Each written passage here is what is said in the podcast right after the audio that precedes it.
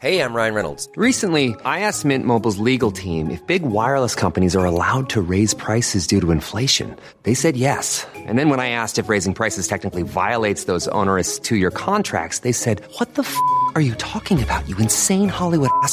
So to recap, we're cutting the price of Mint Unlimited from $30 a month to just $15 a month. Give it a try at mintmobile.com slash switch. $45 upfront for three months plus taxes and fees. Promo for new customers for limited time. Unlimited more than 40 gigabytes per month. Slows. Full terms at mintmobile.com.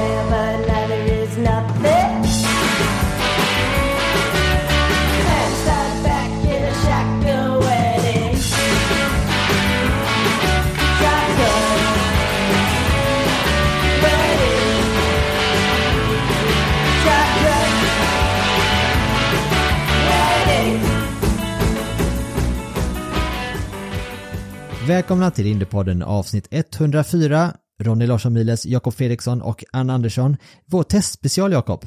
Ja, det är vi två som snackar. Anna har snackat med Linus Lundqvist och du har snackat med, med Mattias Jönsson om massa insikter om hur ett Indycar-test faktiskt går till. För även om vi inte är liksom i slutspurten inför säsongen när man tänker sig att en testspecial kan hända, utan i Indycar så testar de ju också jättemycket direkt efter säsongens slut, till skillnad från, ja, europeisk racing. Så det har hänt väldigt mycket på banan, Indycar och Road to Indy. Så vi har en del att gå igenom ändå. För Linus fick ju äntligen sitt efterlängtade test med Andretti Autosport av alla team. Han var ju minst sagt eh, överlycklig när Anna pratade med honom bara någon timme eller två efter han hade hoppat ur bilen där. Eh, sen var det väldigt roligt också att se, på tal om Road to India, att Rasmus Lind var, kvar, var tillbaka i bilen för Hunkos Racing och gjorde riktigt bra ifrån sig, var bland annat snabbast på någon av testsessionerna där och eh, varit med i toppen. Han, han, hans kommentarer efteråt har ju varit att de tagit klara steg framåt där och det tycker jag är lite god känsla att han fortsätter med Hunkos där att ja, det kan nog Tänk om det kan bli eh, Rasmus eh, tillbaka i Indy Lights nästa säsong redan. Ja, Sjunkos verkar gilla honom, så det båda ju gott. Verkligen. Och så hade vi Viktor Andersson också som fick testa för USF 2000 den här gången då. Så det är väl klivet upp från Formel 4. In i Road to Indy-stegen i alla fall och eh, det är ju också någonting som båda gott. Formel 4 i USA är ju utanför Road to Indy. Eh, Så lite mer amatörnivå, men Road to Indy är ju där man vill vara om man ska ta upp till Indycar, helt klart. Och han jag såg också att han hade presterat bra på någon av sessionerna. Han var, jag tror han var tvåa som bäst. Eh, Mm, det var väl något fel med transpondern, eller hur var det? Mm, Ja, han var ju sist där. Han hade inga tid alls då tänkte jag. Det var ju synd att de missade. Det kanske var något tekniskt fel och så. Men det var ju bara tekniskt fel på transpondern. Utan han, han, tvärtom, han var med i toppen där. Okej, skönt. Skönt Den, den svenska invasionen fortsätter, Jakob. Mm, helt klart. Det kommer eh, snart bli uh, oversaturated med svenskar i, i eh, ja, hela Indycar hoppas jag. Då har vi sex platser bokade åt oss. Men jag tänkte innan vi lyssnar på Annas intervju med Linus så som sagt jag har pratat med eh, Mattias Jönsson som är då Scott McLaughlins eh, chefsmekaniker. Och kunna få den här en ganska unik inblick i hur faktiskt de här testerna går till och hur man lägger upp det liksom och vad man, vad man testar och hur man utvärderar nya förare. Så vi pratade om en hel del saker och det var som vanligt när man lyssnar på Mattias Jönsson, det är som balsam för själen för en motorsportintresserad och han, ja, han, han la ut texten på ett väldigt skönt sätt tycker jag. Ska vi kanske ta och, ehm, Hoppa in med bägge fötterna. ja, jag kastar mig in huvudet före. Du kan hoppa in med fötterna, jag hoppar in med huvudet före. Bra det. Mattias Jönsson, vad underbart att höra din röst i podden igen. Ja, kul att vara här igen faktiskt. Det har varit för länge sedan. Ja, det har varit, men vi har ju haft lite kontakt under säsongen du och jag via sms och så här och det har varit eh, trevligt att få lite, lite bakom kulisserna-uppdateringarna och så där. Det var, eh, vi har, hade ju en idé om att vi skulle göra en, Indycar bil for dummies med dig någon gång här framöver. Det hade varit lite kul att folk ska kunna ställa lite frågor om hur en sån här bil faktiskt är uppbyggd. Det hade varit lite kul. Ja, det, det kan vi göra någon gång och då blir det ju verkligen för dummies som jag ska svara på frågorna så det, det blir bra. Nej, men för, att, för att kunna förklara någonting på ett enkelt sätt så behöver man egentligen kunna allting och lite till om det egentligen. För det är då man vet vilken nivå man ska lägga det på. Så att, eh, jag tror att du är helt rätt person att ha med dig en sån. Det finns nog ingen annan som kan besvara de frågorna bättre bättre. Eh, men eh, idag, så för det första, nu är säsongen till ända. Din första säsong med Scott McLaughlin, hur har det gått tycker du? Ja, på par får man väl säga att det har gått. Eh, det gick väl inte över förväntan och inte under heller, måste jag nog säga. Vi visste ju att Scott skulle ha en väldigt steep learning curve. Det, det visste vi ju alla redan. Han kommer ju trots allt från standardvagn och inte från formbil tidigare. Och ja, som, som, som ni vet som är intresserade av Indycar så är det ju ett väldigt, väldigt tätt fält. Jag tycker nu, nu mot slutet här så såg man ju väldigt mycket hopp faktiskt. Det var ju både i Portland och i Laguna. eh, och faktiskt även på, på ovalen där i, i St. Louis. Så var han ju faktiskt snabbast på sista träningspasset. Skillnaden där mellan träningspass och kval. Det är ju det att du har ju då trots allt 45 minuter på dig att sätta den snabbaste tiden om man så säger. Gentemot kval. Då, då måste du sätta ditt varv på två varv som vi frågar efter om man säger för annars är däcken förbi sin peak och så vidare. Så att där, där eh, tappar vi fortfarande lite grann med en rookie om man säger att så fort vi frågar om att ja, tiden måste sättas det här varvet så är det väldigt svårt. Men man ser ju att pacen finns där. I början på säsongen så, så hade han ju ingen chans att sätta snabbaste tiden på, ens på ett 45 minuters pass. Så att eh, det går framåt. Eh, och som sagt, eh, ja, nej, jag tror det var på par i år, måste jag nog säga. Jag vill minnas att du sa inför säsongen att eh, allt topp 5 är egentligen bara bonus egentligen. Jag tror att jag tror att antingen var det topp 10 eller topp 5, men jag har för mig att du sa topp 5. Ja, då, ja, han har ju fem topp 10, två topp 5 i år och så en, ett podium då där han blir tvåa eh, i Texas. Mm. Den upplevelsen där, det var ju fantastiskt. Första, ova, första ovalloppet och så t- kom han på pallen. Ja, eh, det var väldigt duktigt gjort eh, utav Scott. Eh, ska, man, ska man vara helt rättvist på det resultatet så var det ju också mycket strategy på det som hjälpte. Första racet i Texas måste jag säga, det var banan väldigt grön som vi kallar den för, och väldigt svårt att köra om. Så det var väldigt, väldigt få passeringar på banan. Så det mesta hände faktiskt i pitten eller på strategi. Ehm, och Eh, man ska nog säga att vi maximerade vår strategi på det racet som det blev. Det vet man ju aldrig innan i och för sig. Men, och, eh, men det krävs ju fortfarande att föraren eh, håller sig på banan och kommer i mål och inte gör sina misstag om man säger. Och det, ja, som, som, som vi kör en ovalbil så är det nästan, sitter då på tre hjul istället för två när man kommer in på, på eller, eller istället för fyra. När man kommer in i depån och sånt här. Och, man får ju inte glida igenom pitten och, och så här grejer. Så att eh, nej, eh, Scott höll ju tungan rätt i mun där och så, ja, som sagt, andra plats. Det var ju jätteduktigt. Jätteduktigt var det. Men det var många andra faktorer som spelade in på eh, att vi kom så långt fram eh, där. Eh, och sen så eh, var det väl fjärde plats där som vi kom i St. Louis. Eh, vilket som var också då en oval som han har minst eh, erfarenhet på egentligen utav alltihop. Och det var väl en, en, också en sån grej att det fanns ju väldigt, väldigt mycket misstag under dagen som hände eh, från andra förare som i stort sett försökte för hårt kan man väl nästan säga. Och så fanns det ju då vissa bilar som trillade bort och så vidare. Men eh, nej, väldigt, väldigt nöjd med de resultaten faktiskt. Hur tycker du han har hanterat året och vad är egentligen, är det någonting som har överraskat dig? Ja, väldigt mogen. Uh, han, han är ju alltid väldigt, väldigt positivt. Ehm, um, jag min superkille, väldigt positiv som kille som så sett. Och sen i övrigt så väldigt bra ledare. Han tar uh, stor del i teamet.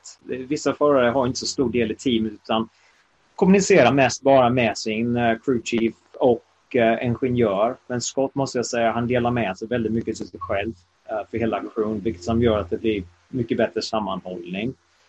i övrigt, han är, han är ja, väldigt professionell. Um, måste jag säga och därför och väldigt mogen eh, i sitt beteende. Visst, när, när det blir um, ja, disappointment som man så säger och, och så vidare som i kvalet Laguna så var han ju väldigt uh, disappointed efter uh, det. Han hade väl lite mer hopp där givetvis.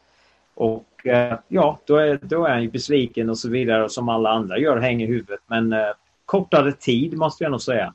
För han, han inser att det påverkar hela teamets anda också. Så han, han låter sig själv vara nere i fem minuter och sen liksom, ja, nu vänder vi på bladet, nu kör vi för imorgon. Uh, resultatet vi fick idag, liksom, det, är, det är vad det är. Vi kan inte göra någonting åt det, utan nu ser vi framåt och försöker göra så bra det går till det vi har framför oss istället. Så att, väldigt mogen, ung kille med mycket talang, måste jag nog säga. En klassisk rookie-säsong, men med några riktigt fina eh, toppar som man ska ta med sig in i nästa. Får man säga, det, det som särskiljer egentligen från en, från en typisk rookie-säsong så är det väl att Scott kraschade väldigt lite. Väldigt lite. Han, han åkte i muren en gång som står ut för mig och det var practice in i Detroit. Uh, som skadade hans performance väldigt mycket för han har aldrig varit på den banan liksom många andra innan uh, nu i år. Och uh, det var ju då en timme och 15 minuters practice session där och han åkte i muren inom de första fem minuterna och tappade hela practice session. Jag tror han lärde sig väldigt mycket från det och um, innebär ju att ja, du, det är risk management. Eh, du, du måste ha de här värdefulla um, minuterna och lära dig banorna. Och är det så att du åker i muren fort så får du ju inte det helt enkelt. Och jag tycker han hade den approachen som, som körstil, om man så säger, som du frågade om också. Så var han väldigt konservativ just för att komple komplettera alla racevarv för att lära sig. Um, det här med hur, hur kommer däcken bete sig under en lång stint med full fuel och så vidare. Så han vet det här till nästa år. För eh, trots att kraschar du ut på första stintet så ja, då lär du ju inte mer den dagen på den banan och så vidare. Så att, tycker jag är väldigt, väldigt smart med att försöka, ja, inte fokusera så mycket på att maximera resultaten i år. Um, det krävs ju också att ha en ägare, teamboss och så vidare som står bakom det här att du har ett lärår eller två. Uh, och att du inte behöver ha någon press på dig att producera de här resultaten. Så det är ju lättare också att fokusera sig på att just som vi säger att uh, du kör varje varv för att lära dig så mycket som möjligt. Och jag tror det, det kommer betala sig nästa år tror jag, alla redan. Ett till två år för att liksom komma in i det nämnde du här nu, men tror du att Scott är, kommer vara med och räkna med eh, redan nästa säsong tror du? För enstaka vinster tror jag det. Men som um, var med och köra om mästerskapet så måste jag nog säga att det tror jag inte.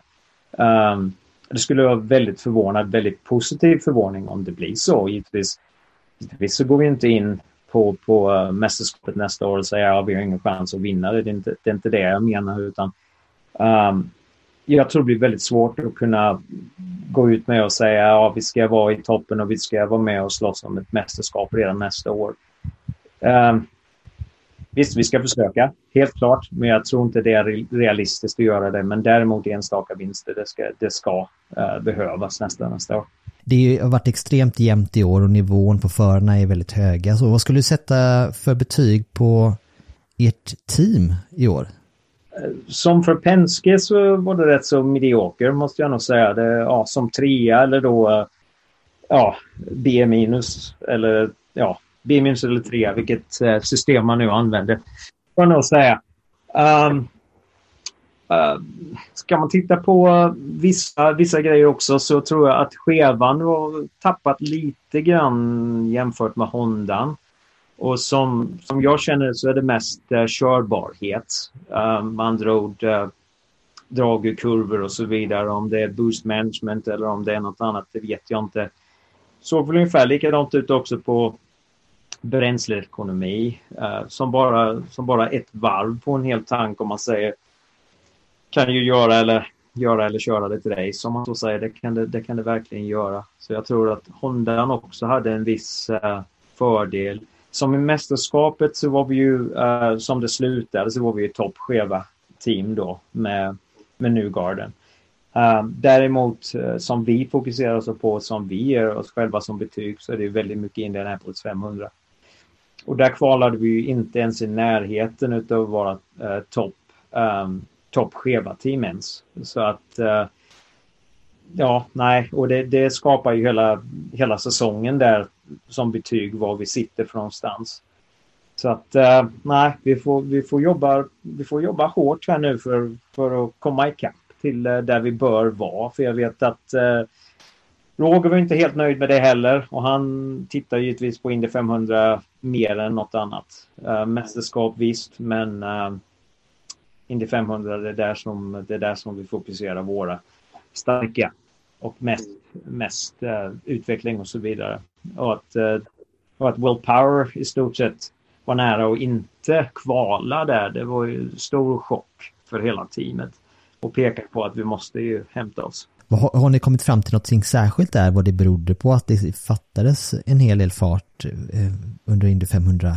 Vi tror det, kan man säga. Vi, vi tror det, men det, det, är där som bekymret uh, kommer in. Um, och det, I och med att det är så små marginaler nu mindre, tittar man historiskt på Indy, både på kval och på ett race, så det fanns ju uh, vinster med, med fulla varv tidigare, om man säger. Och det, det pratar man inte med om längre, utan jag menar de första, första fem, sex bilarna är ju precis i rad, om man säger normalt nu. Och uh, som, som kvalet på Indy, du hamnar ju hela fältet inom, inom två, två till tre miles per hour, vilket tidigare brukade vara nästan ja, sju, åtta, tio miles per hour, eh, historiskt sett. Um, så det börjar ju också dra ihop sig väldigt mycket att givetvis ju längre vi kör samma bil och så vidare så tätare blir det ju och enhetsbil som inte historiskt var kört. Men, um, vi tror vi har vissa grejer att peka på som, som var grejer varför det inte gick så bra. Men å andra sidan så kan vi ju inte med helt uh, confidence säga att det var problemet. Det är där det är där det kommer in uh, för de flesta.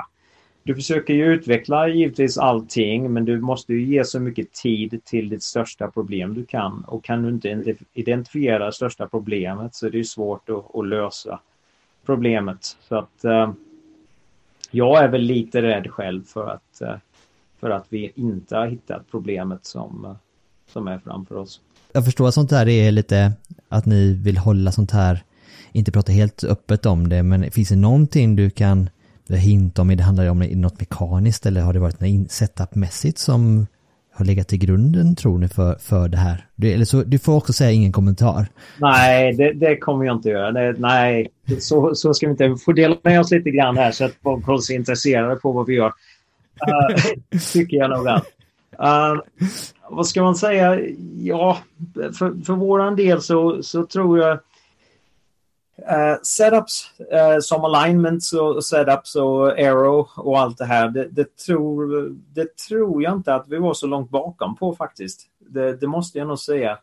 Uh, på sådana grejer, men det, det, är mycket vad det går ut på numera så är det rullmotstånd på de här bilarna faktiskt.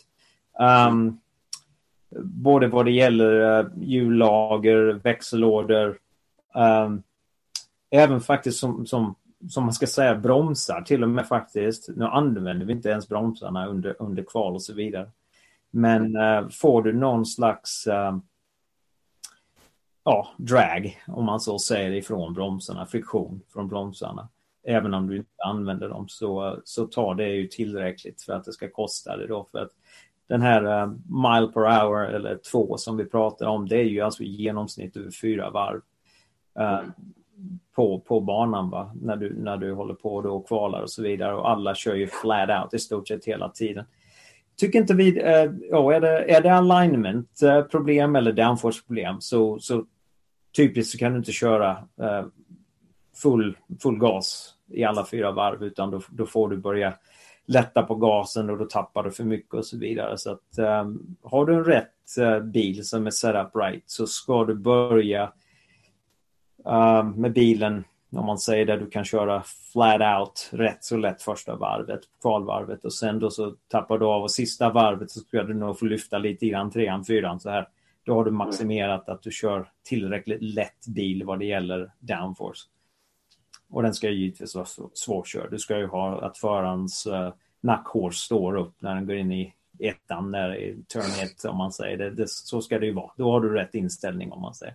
Ja, det var väl någonting jag sa till Marcus Eriksson inför eh, själva racet då. Det vi intervjuade någon strax innan. Jag sa att bilen verkar rätt lättkörd och han bara, eh, nej, det är den inte.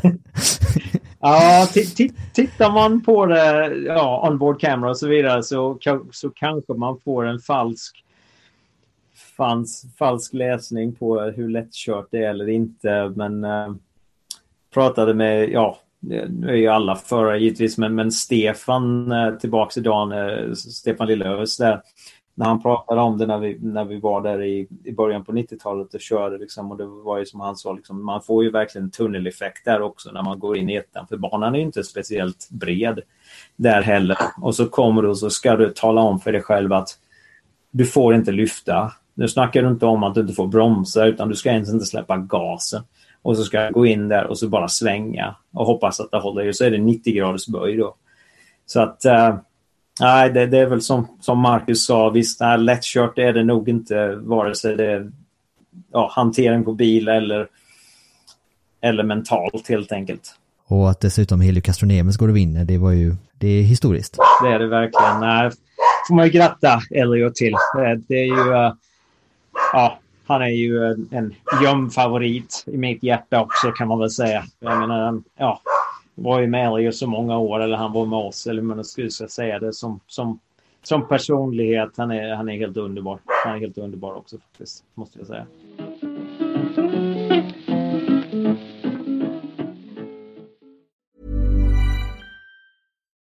Millions of people have lost weight with personalized plans from Noom.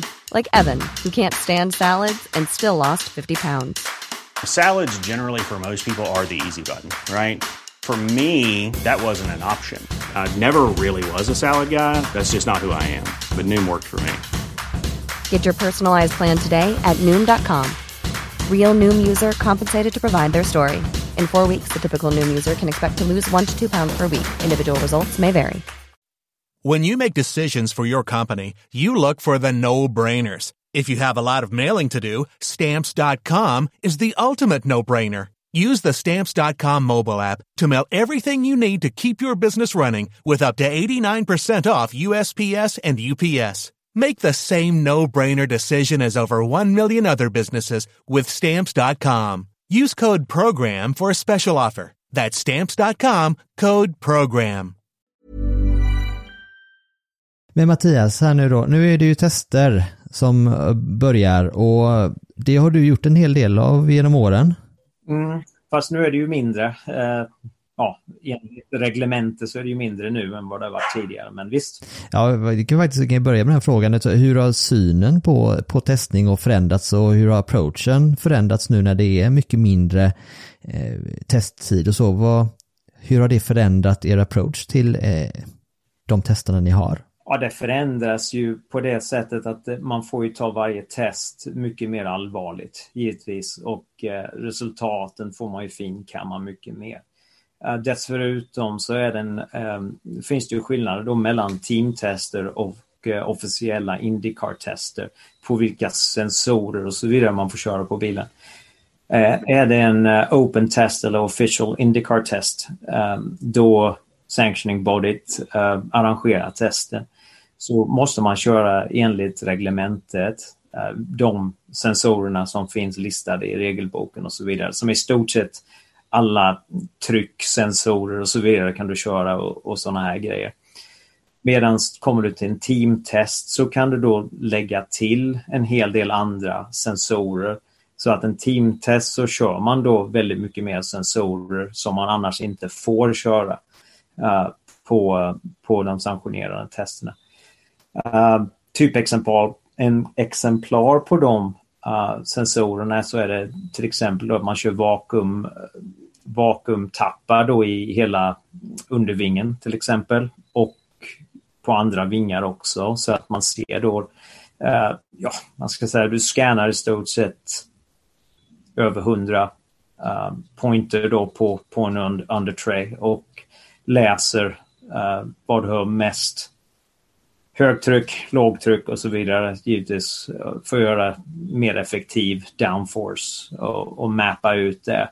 Och det gör du ju stor del bara för att kunna korrelera med din vindtunnel som du kör så att du inte kommer långt, för långt ifrån verkligheten med din vindtunnel testing också. Eh, du gör likadant på vingar. Du kör laser. Eh, läsare på, på vad som, hur mycket det flexar till exempel. Då kan du använda marken då som en... Det är stort som en ekolod kan man säga fast du använder då laser istället för att mäta distansen ifrån eh, kan säga en vinge ner till marken, hur mycket den eh, flexar under tiden du kör och så vidare i olika hastigheter. Eh, du mäter på ett helt annat sätt hur mycket bränsle du använder med finare instrument och eh, bränsletemperatur, hur det, ja, det är bara några exemplar på, på sensorer som du normalt inte kan köra på en racehelg, men du gör det på en, på en teamtest till exempel.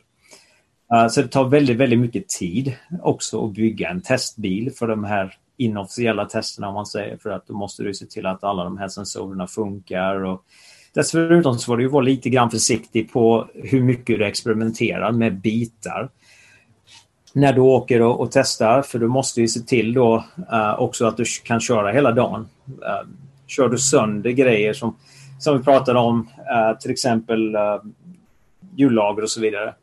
Kommer du på fel sida där och att du bränner ner den om man säger så kanske det tar bort hela hjulupphängningen på den om det låser sig och så vidare. Och på en testdag, då tar det för mycket tid iväg ifrån din testdag helt enkelt som, som du har fem teamtestdagar under ett år i regelboken. Och försvinner det eh, en halv dag eller till kvarts en dag för att, för att du körde sönder någonting så kostar det för mycket. Så att du måste vara där också och utväga och prioritera vad du vill testa för att du ska inte tappa för mycket tid på banan om någonting går sönder. Men å andra sidan så måste du testa så mycket du vågar för att ta dig framåt. Så ni delar upp, i och med att ni har fem testdagar, testar ni, fokar ni på olika saker på respektive testdag då? Ja, det kan man säga. Och på de fem testdagarna, där räknas alltså också då som straight line test, som, som vi också kallar det för. Då kan du köra då till ett uh, flygfält eller vad man ska säga. Uh, och då köra en hel dag med testsensorer då och det gör du väldigt mycket för att just mäta. Uh, mappa ut uh, dina aero-program och så vidare. Då, då provar du olika gurney flips och så vidare. Så se hur mycket drag och hur mycket downforce och mappa det då under olika hastigheter. Du kör också coast down test på sådana grejer. Då kör du då olika alignment då på hjulen, camber, toe och så vidare. För att se hur mycket rullmotstånd som du får i däcken då på de olika vinklarna. Så att som ett ställe som Indy så har du ju då där visst, du eh, tar ju in till eh, konsideration hur bilen hanterar. Du tar också in till konsideration rullmotstånd på setupen. Så att eh, du kanske visst, det hanterar mycket bättre till exempel med den här toe-settingen eller camber. Men den har mer rullmotstånd på det så vi vill gå på det här hållet istället så mycket vi kan tills du börjar då få, få lyfta istället på bilen. Så att du kör inte hela tiden och jagar det där optimala setupen för att det ska vara lätt att köra bilen som just eh, på, på bana. Så att de testerna som straight line tests, uh, full size wind tunnel test, de räknas också emot dig på de här fem dagarna. Så att uh, i fjol så körde vi nog två testdagar på bana och de andra tre gjorde vi då en full, full scale wind tunnel test och två straight line testdagar då.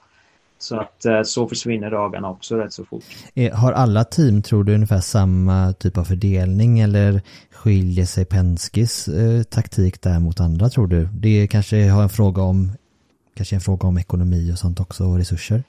Ja, det, nu mer så alla team som kör, um, i och med att det är så få tester, så kör alla uh, maximalt uh, på testdagar och så vidare. Och du kan inte ha råd med att inte göra det faktiskt.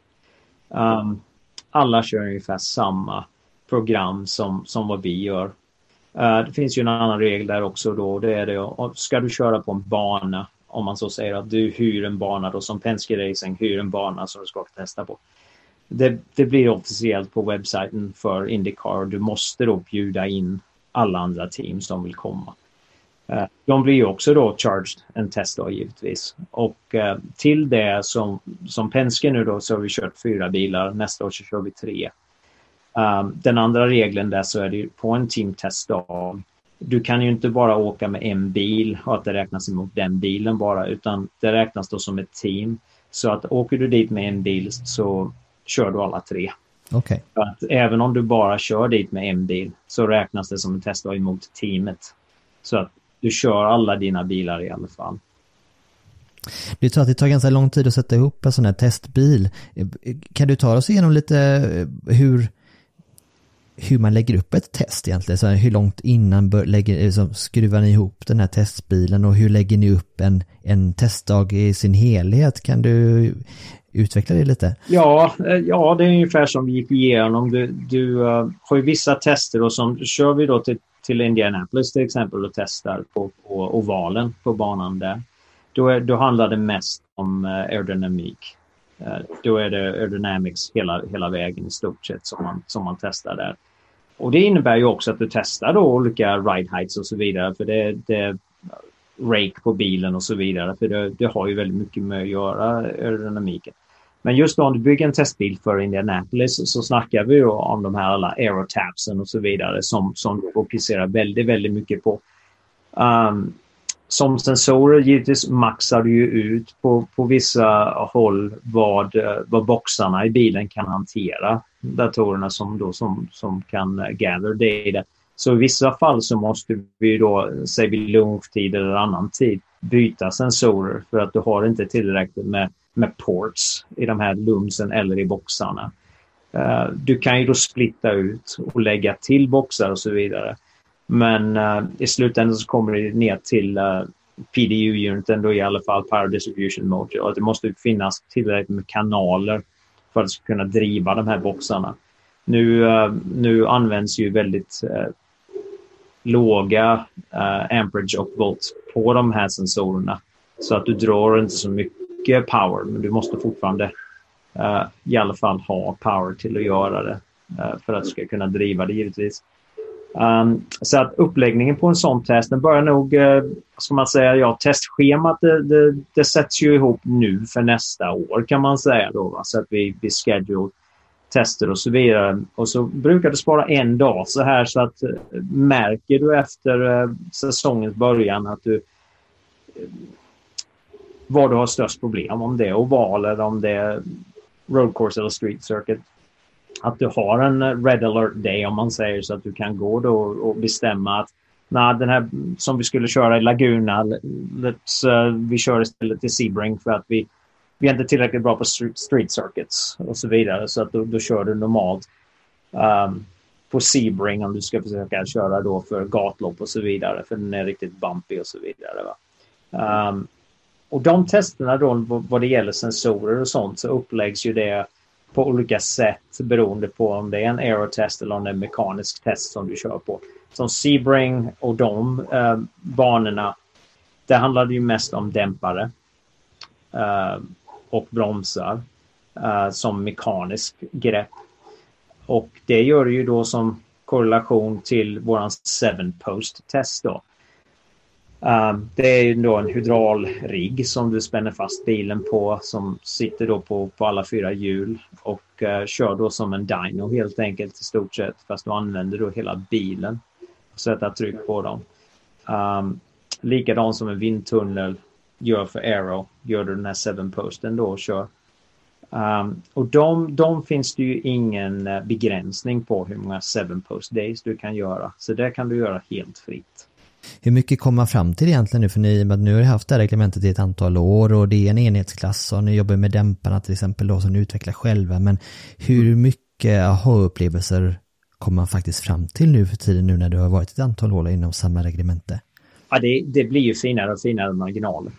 Mm. blir det i stort sett. Um, du, du gör ju också vad som kallas en post-review på, på uh, race-säsongen. Så jag kan säga för uh, tre år sedan så justerade, justerade vi inga dämpare på banan. Utan då, eh, det var som gospel helt enkelt.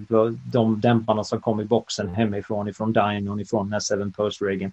Mm. Vad som vi såg som en gain där, det var en gain på banan. Vi, vi trodde på det där 100 procent. Uh, vi rörde aldrig några justeringsnobbar på, de, på de här chocksen eh, då uh, på en racehelg. För två år sedan ungefär så um, skruvade vi dit, för det är, det är öppet, vi kan ju köpa dämpare som alla andra kan köpa också. Så vi köpte faktiskt uh, de svenska dämparna där, Öhlins-dämpare och satte dit. Uh, ska man säga det, då köper man också till en innerter som man då skruvar dit på de här dämparna. Den faktiskt utvecklad av en kille här. Um, Ulins gör inte sin egna innerter. Um, men skruvar dit den på deras dämpare och tyckte på vissa banor att det var en fördel över våra. Och eh, det hade vi lite svårt att, att tro på från början. I och med att vi visste vad de såg ut som för kurvor och eh, jämfört med våra. Och på, på testbänken som så sett så var våra bättre. Eh, kurvorna var bättre men eh, kommer det ner till att du racear ju inte testbänken utan du racear ju bilen och eh, förarna och så vidare. Och vi gjorde back-to-back testing och det visade sig faktiskt att på de här street circuits, de här eh, riktigt bumpy banorna så var ju linsdämparna bättre än vad våra dämpare var. Så att nu då, de två sista åren så ja, vi, vi byter fram och tillbaka, provar vilket som är bäst. Vi uh, justerar dämpare igen på banan som vi gjorde för 20 år sedan. Mm. Men uh, så vi har faktiskt fått gå tillbaka till det och, och göra mer om vad föraren har för input på, på olika banor. Och sen tar vi hem dem under off-season som nu till exempel. Så går vi tillbaka och så kör vi schemat som vi gjorde nu i år. Och så går de igenom alla dämparsättningar och kör över, säg tre veckor. Kör varenda dämparsättning som vi körde under året på alla de här banorna. Och eh, dyno, allt det så att du har en review på vad du gjorde förra året och försöker utveckla därifrån. Du försöker se trender och så vidare. Och så går du därifrån och ser om det är någonting du har missat. Firestone som på ovaler, ska jag säga, som, som på Indy till exempel. Där, den är ju väldigt slät banan. Um, och du har inga bumps i stort sett. Så där vad du har dämparna att göra så är det att ta upp egentligen friktionen på däcket. Som, den, som däcket roterar så kommer den ha sin, sin natural frequency om man så säger. Och det är den som du försöker dämpa eh, med dämparen istället. Så att eh, ja, där, där kör du ju inte en dämpare som försöker ta upp uh, gupp om man så säger som du gör på en traditionell bana om man så säger. Utan där, där tar du dämparen istället och använder nästan som ett filter för uh, friktionen på däcket. Men just det här att testa nya förare och testa juniorer. Hur viktigt är det i arbetet eh, framåt för, för ett team? Eller sätter det snarare lite käppar i hjulet kanske? Så, för jag vet att ni följer ett väldigt tajt schema, testschema för att få som det är det du pratat här nu, få fram, få fram resultat från de bitarna. Hinner man med att coacha in en rookie också samtidigt? Ja, det, det gör man. Det, det, blir nästan som en fördel för teamet också kan man säga. Och jättekul för Linus att, eh, att han har fått till den här testen. Det är givetvis tack vare hans, hans eh, outstanding performance där i Indy Lights och så vidare. Och fortsätter ju att köra, köra så det ryker om man säger. Så att det, det är ju skitkul faktiskt. Um, de här um, stipendietesterna då som, som de ger för Indy Lights-förare och så vidare. Uh, vi kör också faktiskt um, en kille här nu i, uh, i veckan samma test. Och uh, som team så, så ser vi det som, som en fördel för vi får ju i alla fall ha en bil på bana. Om man säger nu är den här som en officiell test så det här är ingen teamtest där du kan lägga till en massa sensorer. Utan detta är en test då som... Men uh, en av grejerna som, som vi gör här nu, för den här händer ju nu då i Indy på Indy Road Course. Och uh, vad serien gör med det här så är det att uh, de har ju tittat på en bana som, eller annan slinga för roadcoursen. Och eh, förmodligen, nu vet vi inte 100% men förmodligen så kommer vi köra slingan som vi har kört de sista åren på Indy Road Course. Den som vi är familjära med. Eh, kommer vi nog köra i början på maj. Men när vi åker tillbaks i augusti och kör ihop med Nascar där så kommer vi nog köra den här slingan som testas på måndag i Indy. Så att som, som ett team och få åka och köra de här juniorerna som vi kallar dem för också. Vi kan ju lära oss från dem. De kommer ju från en, från en annan bil och det är väldigt lätt också att bli jag vet inte man ska säga, jag tappar uttrycket nu på svenska, men i alla fall det, det är rätt så lätt att bli... Uh, Hemmablind ja. typ, eller att man... Ja, precis. Du, du blir inte på din egna värld om man säger och, och ser inte, ja, ta av blyglapparna helt enkelt så att du ser uh, vidare. De här bilarna är ju en handfull att köra eh, såklart, men jag lyssnade på David Malukas, körde ju här nu i, i förra veckan och han, mm.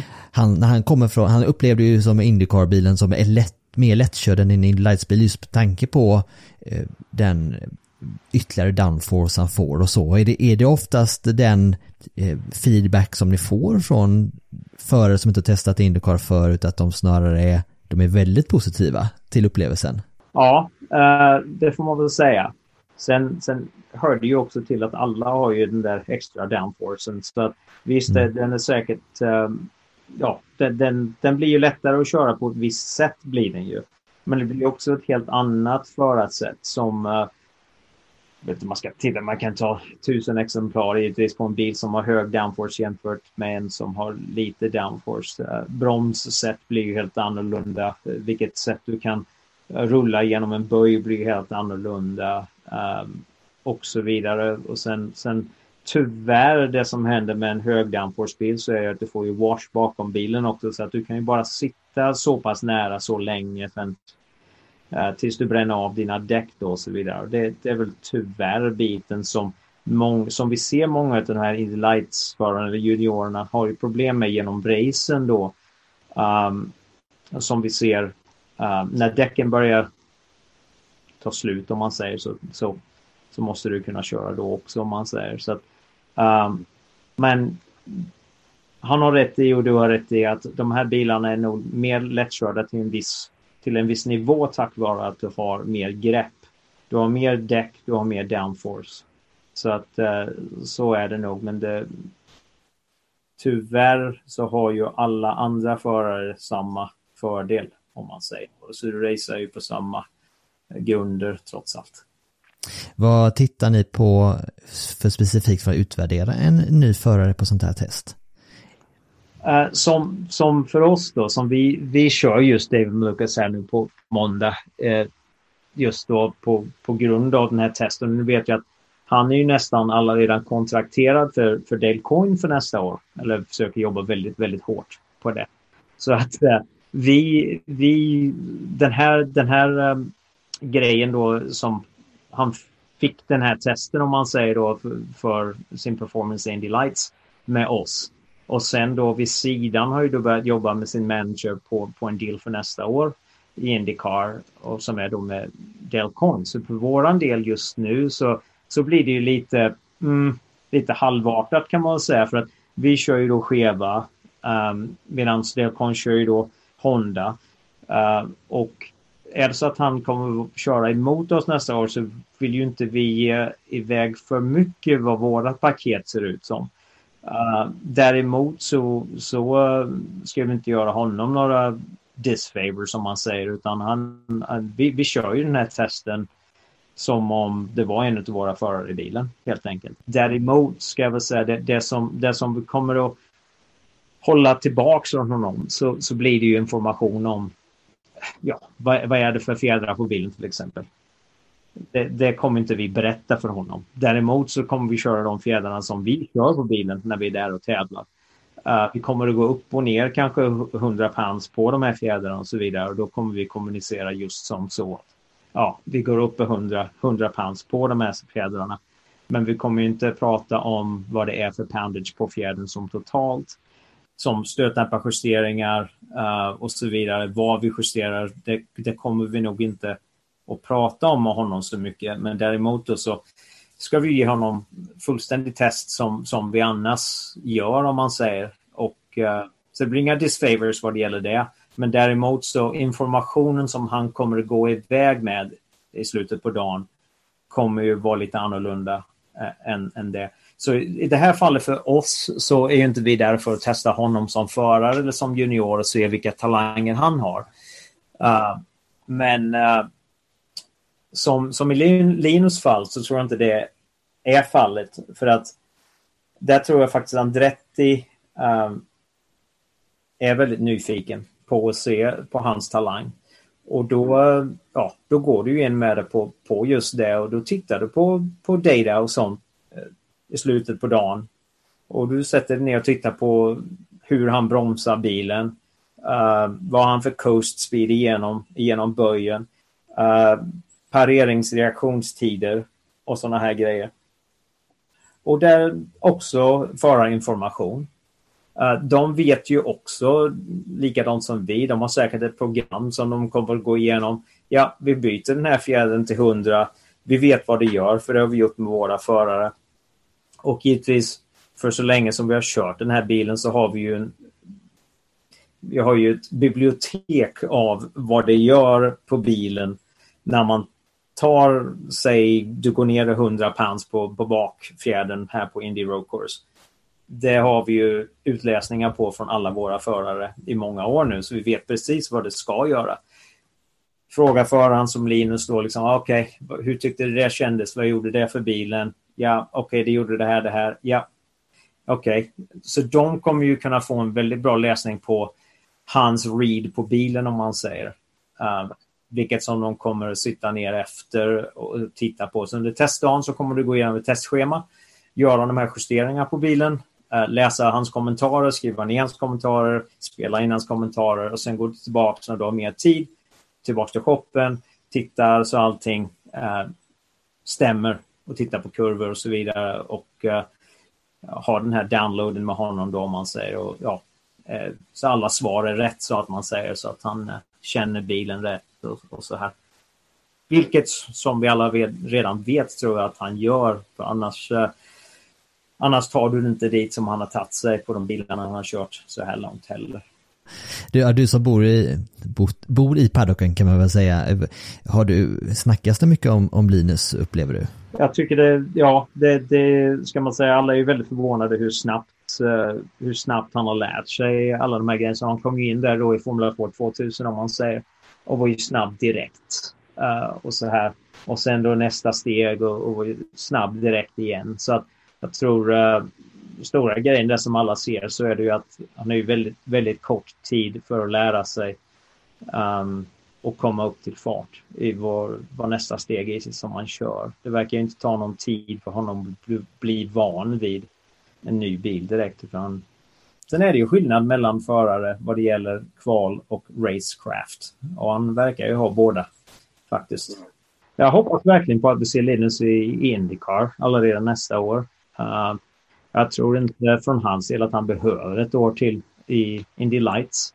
Utan jag tror det skulle bara vara i så fall att vänta på en styrning i Indycar. Men som, som förare så tror jag han är är klar och mogen och redo för Indycar annars.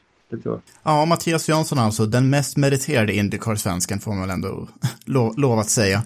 Chefsingenjör för Penske i 25 år. Vi snackade ju längre om hans karriär eh, tidigare i, i år. Mm. Avsnitt, ja vilka var det då? Ja, det var i, i januari, februari tidigare i år. Så ni kan ju, som vill lyssna på hela hans livshistoria kan ju backa tillbaka bandet och hoppa in i de avsnitten. Det blev ett dubbelavsnitt eftersom när Mattias Jönsson börjar prata då lyssnar man. Verkligen, och jag, vi kan lägga ut det i våra sociala kanaler vilka avsnitt det är om det är någon som vill backtracka och lyssna i kapp på den biten. Absolut.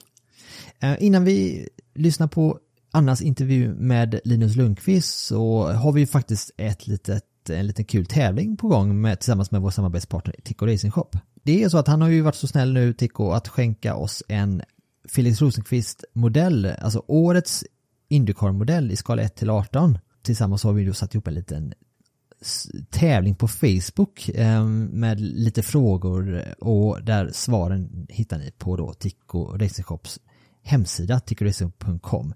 Så in på vår Facebook, tävla och eh, lycka till. En fråga bara. Ja. Det är ordinarie eh, livery det är ordinarie livery och den är toksnygg. Vi har en bild på den också.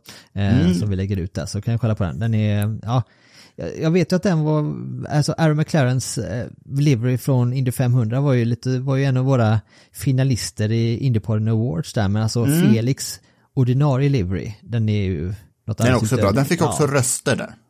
Det fick den faktiskt, ja det Mm. gjorde den. Och ja, det var ju flera som sa det att ja, men den är ju snyggare och jag är faktiskt beredd att hålla med där. Jag tycker den är riktigt vass. Och det där blåa också tillsammans med papaya-orangea, det, det är snäppet vassare än Pato Awards svart papaya-orange. Håller helt med. Så tack till vår samarbetspartner tickoracehop.com för den här eh, modellen och eh, in och tävla.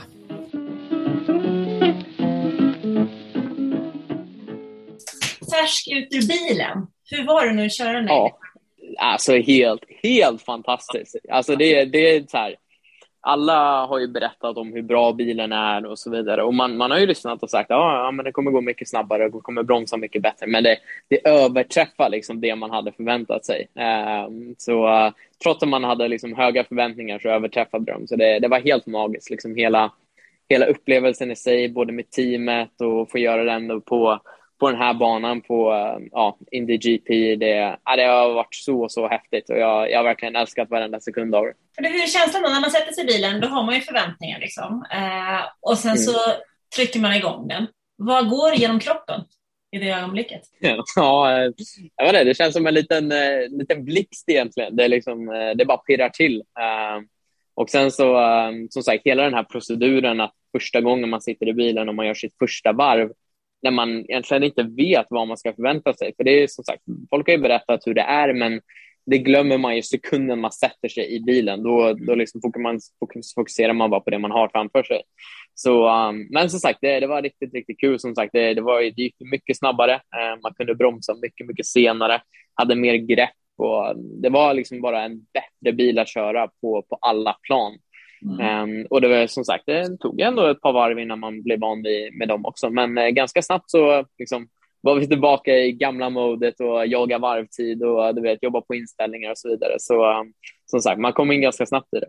Fick du då tider att jobba med eller jobba mot? Tog man några tider eller var det? Ja, det var ingen så officiell live timing utåt sett, men det var ju eh, vi hade ju fortfarande tider eh, som vi kunde se liksom, inom teamet och även då mot, mot den här tredje bilen som var här och körde i Penske. Hur såg det ut då? det gick inte dåligt. Som sagt, både, både han, min teamkamrat, han Cal Kirkwood och David har ju gjort ett respektive två test tidigare. Eh, trots det så var vi mindre än 3-10 bakom eh, den som var snabbast under dagen. Så eh, det får jag ändå anse vara bara väldigt godkänt. Vilka uppgifter hade du då? Ut och köra, ha så kul som möjligt och köra så snabbt som möjligt eh, var egentligen en av uppgifterna. Sen så är det ju också lite så här när man kommer upp ja, men till Indycar och eftersom jag inte kommer tävla med Andretti nästa år så är det så att de berättar ju inte alla inställningar och får inte göra det heller. Så de sa det att vi kommer ha liksom några test-items på bilen men vi kan inte riktigt berätta vad det är utan vi vill bara ha din feedback. Så eh, vissa gånger så var det bara gå ut och så ja, känna av bilen och så säga om det var bra, bra, bra eller dåligt. Mm. Vad det gav för balanseffekt. Men du, nu kommer vi in på det här nästa år när du nu nämnde det själv. Eh, Mm. dels, hur går tankarna och vad betyder ett sånt här test på riktigt? Liksom? Ja, men testet betyder otroligt mycket. För jag menar, först och främst att, att få möjlighet att testa en Indycar-bil är inte det lättaste. Um, och sen då nu att få, att få kunna göra det uh, på ett sånt här sätt med, med, tillsammans med ett team som Andretti så, så bygger man ju på den här erfarenhetsbanken ganska rejält genom att bocka av det här första testet. Och um, som sagt, förhoppningsvis så kan det även öppna lite dörrar vidare för som sagt, det, det är fortfarande siktet och målet att försöka ta sig in på Indycar-griden nästa år om inte det händer så, så kanske vi blickar på att vara tillbaka i Indy Lights nästa år. Men som sagt, då, då handlar det ju väldigt mycket om budget och vad man kan få ihop och få göra en sån satsning igen. Men eh, som sagt, just nu är målet fortfarande på att hitta en plats i Indycar. Det är inte så jättemånga kvar va? Nej, jag vet, det är det som är grejen och eh, det är inte så här lätta konkurrenter man har heller, utan det är så säga, man går ju upp liksom och världseliten, men det är där jag tycker att vi passar, så det är så det ska vara. Har du satt eh, någon deadline själv för din egen del? Ja, helst vill jag ju svara imorgon tänkte jag säga, men eh, det vet jag av erfarenhet är väldigt, väldigt svårt. Utan vi, vi får se lite som sagt. Det, det här är ju också ett spel liksom med, med teamen också, vad, när de väljer att bestämma sina förare och så vidare. Eh, Men det är klart att man, man håller liksom, ja, två dörrar öppna eller flera dörrar öppna ska jag säga parallellt. Eh, så får vi se. Så jag, jag har ingen riktig deadline. I det här pressmeddelandet som skickades ut eh, inför ditt test eh, så sa du någonting som jag hakade upp mig på, eller som jag noterade, där du sa att du har varit hos teamet rätt mycket och eh, förberett dig. Kan du berätta om de förberedelserna och vad som ingår? Hur ser liksom vägen fram mot ett sånt här test ut? För det är, det är så lätt att säga att ja, men det är ett test, men sitter man utanför så har man inte så jättebra koll på vad det innebär och det skulle jag gärna veta. Mm, absolut, och det, det var lite intressant för det här är första gången som jag gör ett test tillsammans med Indycar och ser lite hur förberedelserna är där. Men det går mm. egentligen ut på att du, du åker in då till, till deras um, workshop där, där teamet är baserat. Får du träffa alla mekaniker och så det första man gör det är egentligen så att du får provsitta bilen så allting känns bra. Man bestämmer pedaler och ratt och stol och bälten och radio och allt, allt liksom det lite mer praktiska hur, hur bilen funkar. Mm. Och sen då får man med sig som en liten instruktionsbok med bilens 101 så att säga, hur ratten funkar, vad det är för knappar och eh, för inställningar och sådana delar. Och eh, sen kommer man in någon dag eller ett par dagar senare och eh, pratar med ingenjören och träffar eh, den ingenjör som du ska jobba med under testet. Och då går man igenom både video och data och hur, eh, hur dagen ser ut, vilka, vilka runs man ska göra, kanske vad man ska testa. Um, och de, um, ja, de drar även, eftersom det var första gången för mig, liksom vad, vad de största skillnaderna är. Um, lite data gentemot Indy Lights och Indycar, vad jag kan förvänta mig och, och, den delen. Och sen så åkte jag även ner på ett test som de gjorde i, i måndags i, i Alabama förra veckan. Mm. Åkte ner och tittade och hängde lite med teamet och försökte lära mig lite hur, hur det funkar, hur de jobbar med ingenjörerna och, och den delen. Så det är liksom, det blir som ja, en, ja, en liten plugg egentligen, att du ska plugga, plugga inför liksom ditt test på Indycar. Och, som sagt, det är vissa procedurer som du måste lära dig, typ in och ut ur depån och vilka motormattningar man ska ha, hur man gör det och vart du ska stanna och som sagt vem man pratar med och hela den delen. Så det, det är lite liksom att bara bena ut i, i början för då, då vet man inte så mycket. Nej, men såklart. Eh, var det enklare eller svårare än vad du hade förväntat dig? Ungefär samma. Eh, som sagt, det är, det, är alltid, det är alltid svårt, men i slutändan så det är en racingbil. Den har en ratt och det är fyra däck. Kör så snabbt du bara kan. Så liksom i grunden så förändrar sig liksom inte den, den delen. Eh, men sen så är det ju liksom alla de här nyanserna och ja, det blir så mycket större Indycar. Bara en sån grej att istället för en ingenjör har jag två ingenjörer nu. Istället för två mekaniker har jag sex mekaniker. Mm. Eh, så det, hela operationen blir, blir större. Man går in på mer detalj med inställningar och vad man kan göra på bilen och så vidare. Så som sagt, det man lärde sig in the lights och vad jag har lärt mig genom hela min karriär, det liksom tas ytterligare ett steg nu eh, när man får vara med och knacka på Indycar-dörren. Mm. Eh, vilka var de största skillnaderna mot Indy Lights som du upplevde Jag tror de, de största var farten och sen bromsarna. För det, som sagt, det är ju 450 hästkrafter som jag hade i Indy Lights-bilen och 700 i den här. Det märks rakt fram kan jag säga. Mm. Eh, men sen också den, den stora skillnaden eh, körmässigt var bara bromsarna. Eh, för på Indy Lights-bilen har vi stålbromsar medan på den här är det eh, kolfiberbromsar. Och det är ganska stor skillnad rent körmässigt vad man kan göra med dem. Um, så vi kommer faktiskt ja, kanske 30-35 kilometer i timmen snabbare i slutet på rakan, men vi bromsar senare än vad ja. vi gjorde i Indy Lights-bilen. Um, så det, som sagt, det tog lite tid liksom att verkligen lita på bromsarna, att greppet finns där. Eh, men eh, det, det var väldigt häftigt att få uppleva. Sen ska jag säga också att det, det är fysiskt. Den är en tuff bil att köra. Eh, det var också ett stort, stort steg mot, mot Indy Lights. Det tar på kroppen och speciellt på axlarna med ingen servostyrning och ja, en kurvhastighet på 250-270 kilometer i timmen, då, då är det ganska tungt. Men vilken feedback fick du från teamet då? De var nöjda. Som sagt, vi jobbade ju hela tiden på balansen, så de, de var ju väldigt fokuserade liksom på försöka hjälpa mig och med den balansen som jag hade i bilen. Eh, och sen så liksom bara, vi visste ju också att det, eh, vi hade ju som sagt, eh, vi har inte tio dagar tillsammans utan vi har den här dagen där vi liksom ska försöka maximera. Så de mm. försökte ju köra mig så mycket som möjligt också och så liksom verkligen fokusera på när vi körde våra nya däck, att bilen skulle vara, vara så bra som möjligt och att jag visste vad jag skulle göra. Så de var väldigt nöjda, sa de imponerade eh, efter, efter bara, som sagt, jag fick ju 46 varv totalt. under dagen. Så um, på så kort tid att, att hinna upp till fart så de var, det var bra gjort. Vad händer nu då? Nu så kommer jag väl inte sova på två dygn, jag tänka mig. Um, nej men nu som sagt, nu gäller det bara att ta ett djupt andetag och sen så um, ja, följa upp de trådar som fortfarande finns här i USA och, och, se vad man kan göra av det. Och sen så, jag är väl kvar här kanske i två, tre veckor till gissar jag.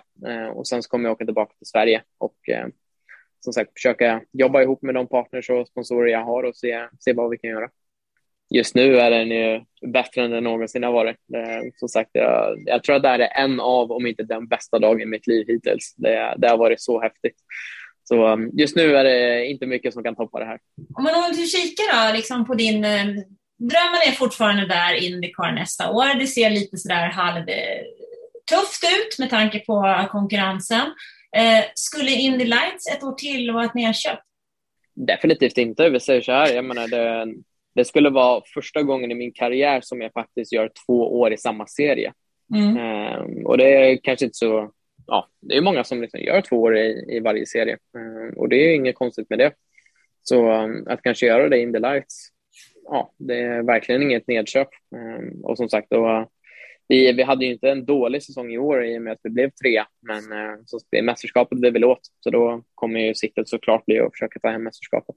Är du besviken att det inte blev, för du är ju sån jäkla vinnarskalle, är du besviken att det inte blev en mästartitel utan att det blev en tredjeplats? Såklart. Jag menar, målet var ju att vinna eh, och det gjorde vi inte. Det är mm. klart att man är, man är besviken på det. Sen som sagt, man får ju ändå vara, vara stolt och glad över de prestationer man har gjort och i slutändan, jag, jag gjorde allt jag kunde, jag gjorde mitt bästa, men eh, det nådde inte riktigt hela vägen fram. Sen eh, som sagt, då får man ju blicka tillbaka om varför det inte gick hela vägen fram och försöka förbättra det till, till kommande säsong. Hur har du upplevt, eller hur upplever du eh, reaktionerna på din framfart i Indycar Ja, men det, det har varit kul. Eh, det har varit jättekul och positivt. Och jag tror jag sa det tidigare i säsongen också. Man märkte lite skillnad i USA kontra Europa. För i början av säsongen när vi, när vi vann ett par race där, och, um, då var det ju liksom faktiskt Indycar-team som kom och sökte upp mig och ville prata med mig, vilket aldrig någonsin har hänt tidigare Um, varken i Europa eller, eller även året innan det, eh, 2020 där. Så um, det har varit jättekul och sen som sagt man, man märker att alltså, Indycar-teamen tittar just på Indy Lights, för jag tror mycket har att göra med det att om du tittar på de tidigare vinnarna eller som, som har kommit från Indy Lights, så har Colton mm. Hurtad och Pato Ward och de här killarna och det, ja, de är inte långsamma direkt utan jag tror att det är en väldigt, väldigt bra skola för, eh, för de här förarna. Och du ser fortfarande du ser din framtid i USA? Just nu skulle jag säga det. Eh, som sagt, jag stänger inga dörrar i, i dagsläget. Så om det öppnar sig en dörr tillbaka till Europa så, så kommer jag nog inte stänga den. Men eh, just nu så, så är fokuset på, på USA.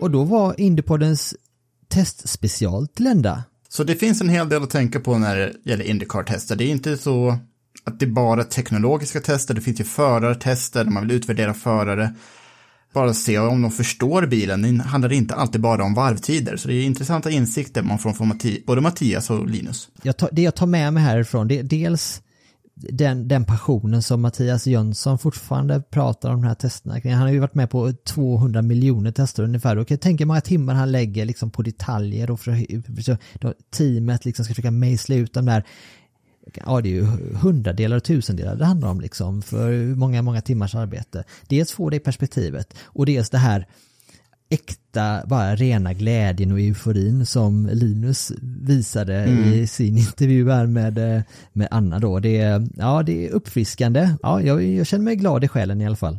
Alltså det är fantastiskt hur viktigt bara ett enda test kan vara för en aspirerande racerförare. Så det är jättekul att höra Linus på det här humöret. Vad tror du om Linus möjligheter att köra Indycar 2022 då?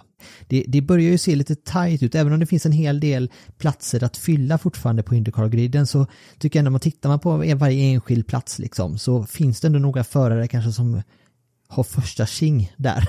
Man kan ju säga att han är färdig med att han kan ratta vilken racerbil som helst vid det här laget. Han är ju inte den yngsta på griden om man skulle komma in i Indycar, men eh, han är fortfarande ung, han har ju framtiden för sig. Men det är nog mycket till om man ska peta typ Connor Dale eller Ryan Hunter Ray till Carpenter-bilen. Coin verkar ha sina bilar preparerade åt andra förare redan. Sen Tatjana Calderon har ju rookit eh, spon sponsorn som eh, Foyt har och ska väl hoppa in i Sebastian Bourdais ställe där. Och sen Penske går ner till bara tre bilar. ja, det, det, är lite tajt, men Linus eh, förtjänar att vara Indycar nu. Jag instämmer helt och hållet och det som Mattias Jönsson också sa och betonade att han ser ju Linus som en färdig förare nu som är redo för Indycar.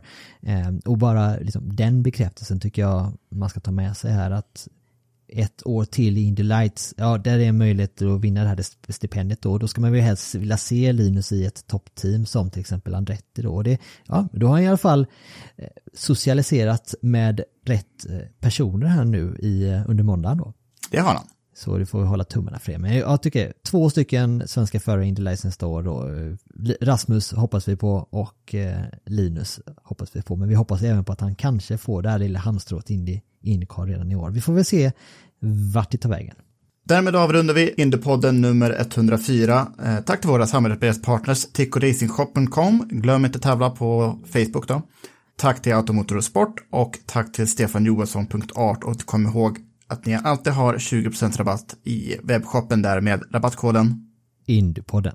Och skulle också vilja rikta ett extra tack till eh, alla ni som går in på Acast supporterfunktion och eh, sponsrar oss där med, med, eh, med valfritt belopp. Och det, det är extra mycket värme med era, era snälla kommentarer som ni skickar med. det, är, mm. det får oss att vilja fortsätta detta vecka ut och vecka in. Det är otroligt inspirerande. Tack så mycket Ronny. Tack Jakob.